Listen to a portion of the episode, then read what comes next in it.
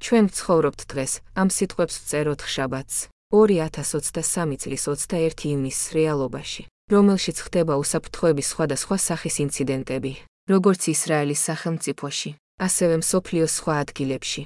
როდესაც ადამიანს თავს დაესხნენ. ასეთ ინციდენტში, როგორც ვიცით, არის ორი შესაძლო პასუხი. ერთი, რა თქმა უნდა, თავდამსხმელებთან ბრძოლა და მეორე, გაქცევა. გარდა იმისა, რომ როდესაც საქმე ეხება ინვალიდს, რომელიც ასეთ მდგომარეობაში აღმოჩნდება.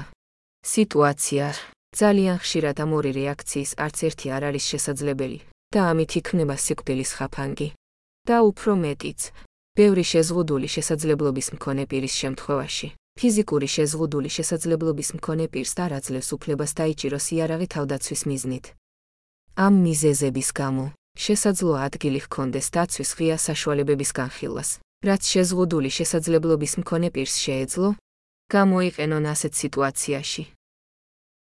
და იმ ვარაუდით, რომ ასეთი დაცვის საშუალება შემუშავების შემთხვევაში და როცა შეიმუშავებს, შეიძლება ასევე ბოროტად გამოიყენოს ზოგიერთმა ინვალიდმა, რადგან მიღებული სტიგმის საწინააღმდეგოდ შეზღუდული შესაძლებლობის მქონე პირი ყოველთვის არ არის ღარიბი, ან კარგი ადამიანი, ასევე უნდა ვიფიქროთ კრიტერიუმების დადგენაზე. თუ რომელ შეზღუდული შესაძლებლობის მქონე პირებს ექნებათ უფლება მიიღონ ან გამოიყენონ ასეთი დამცავი ზომები და რომელი პირობები.